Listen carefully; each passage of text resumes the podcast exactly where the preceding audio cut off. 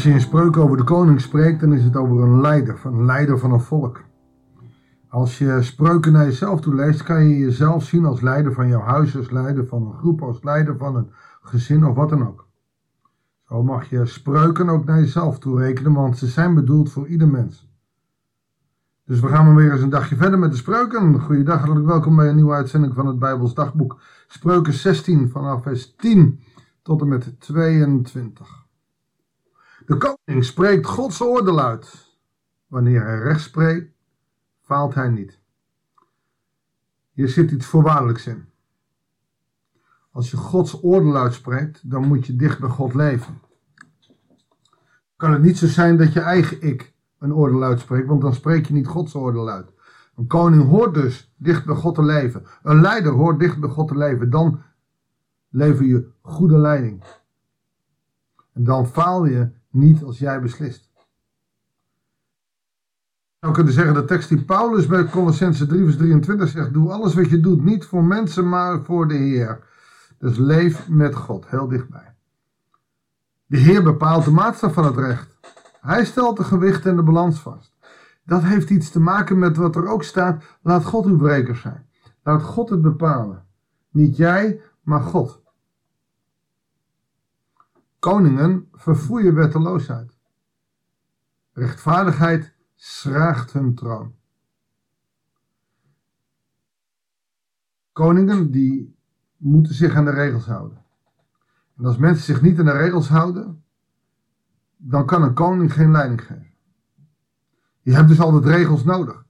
Als koning van je gezin. Er zijn ongeschreven regels, soms geschreven. En je kan in het, op de troon blijven zitten, zeg maar, als rechtvaardigheid gebeurt. Als niet egocentrisme of uh, maar rechtvaardigheid er is. Een koning schept behagen in oprechte woorden. Wie de waarheid spreekt, is hem dierbaar. Het zijn eigenlijk een beetje vanzelfsprekende spreekwoorden. Uh, een, een goed leider wil oprechtheid en waarheid. Dat is hem dierbaar. En de woede van de koning is een bode van de dood. Oftewel een leider die boos wordt, daarmee maak je alles kapot. Een wijze, die brengt hem tot bedaren. Want een koning, een leider, als die boos wordt, dan, weet je, dan zeg je vanuit je boosheid zeg je verkeerde dingen. En de bode van de dood is natuurlijk niet letterlijk, maar het is wel afbrekend. Doodsheid, als je boosheid eh, toont in daar waar je bent. Mag boosheid er niet? Ja, natuurlijk wel. Maar als je leiding hebt, is het niet verstandig. Daartegenover het stralende gezicht van een koning brengt leven. Als een voorjaarsregen is zijn gunstbewijs. Oftewel, een boze koning, een boze leider of een stralende leiding. Weet je, ik denk dat die tweede uh, duidelijk is. Dat brengt leven, het brengt levendigheid. Als een baas opgewekt is en positief is, dan zal zijn personeel meer werk verrichten dan wanneer die alleen maar negatief is en boos is. Hoeveel beter, vers 16, is het wijsheid te verwerven dan goud? En daar zullen ze in deze tijd niet helemaal mee eens zijn. Maar uiteindelijk heb je veel meer aan wijsheid. Wijsheid red je. Bovendien, wijsheid staat er ook altijd voor je geloof voor de geest. Hoeveel beter is het geloof te verwerven dan goud.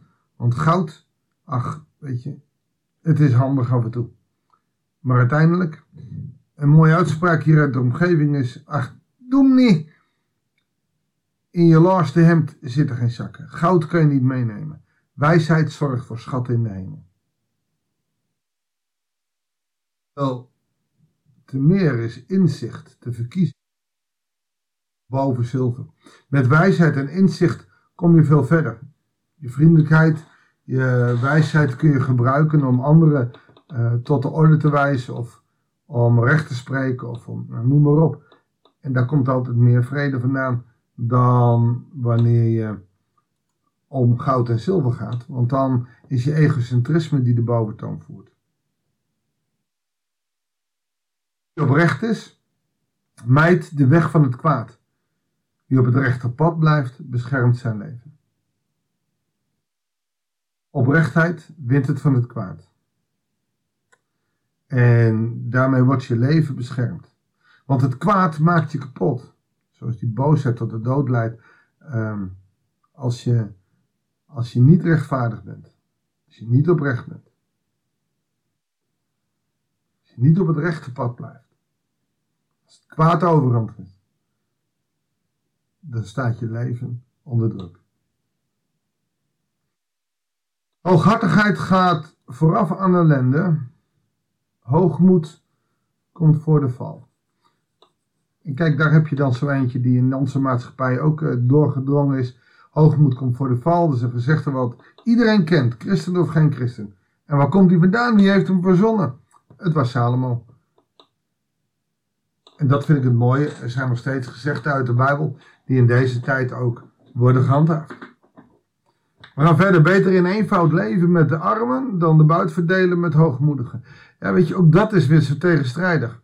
Want we willen graag de buit verdedigen, we hebben toch geld nodig? Het is altijd makkelijk. Nee, geld maakt niet gelukkig, maar je hebt het wel nodig. Maar de eenvoud leven met mensen die het niet hebben, kom je veel verder mee. Hoogmoed, zo van ik heb het allemaal beter, is iets wat killing is.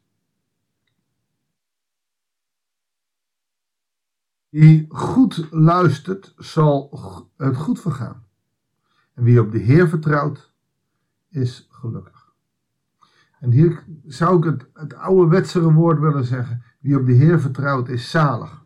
Want dat is gelukkig in het perspectief van het koninkrijk. Want ik ken zat mensen die op God vertrouwen, maar ondertussen uh, pijn, moeite en verdriet mee moeten maken. En gelukkig in de Heer zijn is gelukkig in perspectief van het koninkrijk. Wie wijs is van hart wordt verstandig genoemd. Wie op milde toon spreekt, heeft meer overtuigingskracht. Oftewel, schreeuwers staan aan de kant. Niemand luistert ze naar ze. Maar op milde toon en met wijsheid, dan wordt je verstandig genoemd. Wijsheid, inzicht is een bron van leven. Dwazen worden met dwaasheid gestraft. Nou, dat spreekt voor zich toch? We moeten wijs blijven. En die wijsheid is Jezus Christus. We moeten dicht bij Jezus leven. Dan zal wijsheid in ons hart zijn. Als je Jezus volgt, zul je niet het kwaad volgen, maar zul je het goede doen en het kwade laten. Als je Jezus volgt, zul je leiding ontvangen. Zul je bescherming van je leven hebben. Zal je merken dat wijsheid, oftewel Jezus, belangrijker is dan zilver of goud. Als je wijsheid hebt, als je Jezus hebt, dan is waarheid veel belangrijker en oprechte woorden veel belangrijker dan zomaar wat zeggen en wat bazelen. Zullen we bidden? Heer God, die wijsheid die moet van u komen. U bent wijsheid. Heer Jezus, u bent de wijsheid in deze wereld. Wil ons uw wijsheid schenken door de kracht van uw geest. Dat we op een goede manier met elkaar omgaan. Of het nou gelovigen zijn of niet gelovigen. Dat we daarin een lichtend voorbeeld mogen zijn. Zoutend zout en lichtend licht. Heer, geef ons zo een dag waarin we u groot mogen maken. En uw grootheid mogen proeven. Uw wijsheid mogen proeven. Heer, dat bidden wij u in Jezus' naam. Amen. Dankjewel voor het luisteren. Ik wens je God zegen en heel graag tot de volgende uitzending van het Bijbelsdagboek. Thank thank you